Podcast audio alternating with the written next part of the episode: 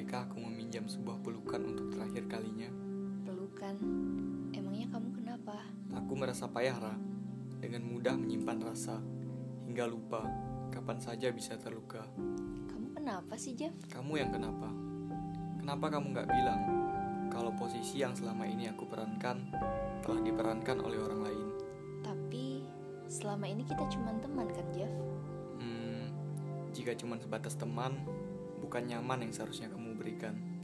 Nggak adil rasanya kalau cuma aku yang terlanjur sayang, sementara kamu diam dan dengan mudah melupakan segala perhatian. Tapi Jeff, Udah cukup.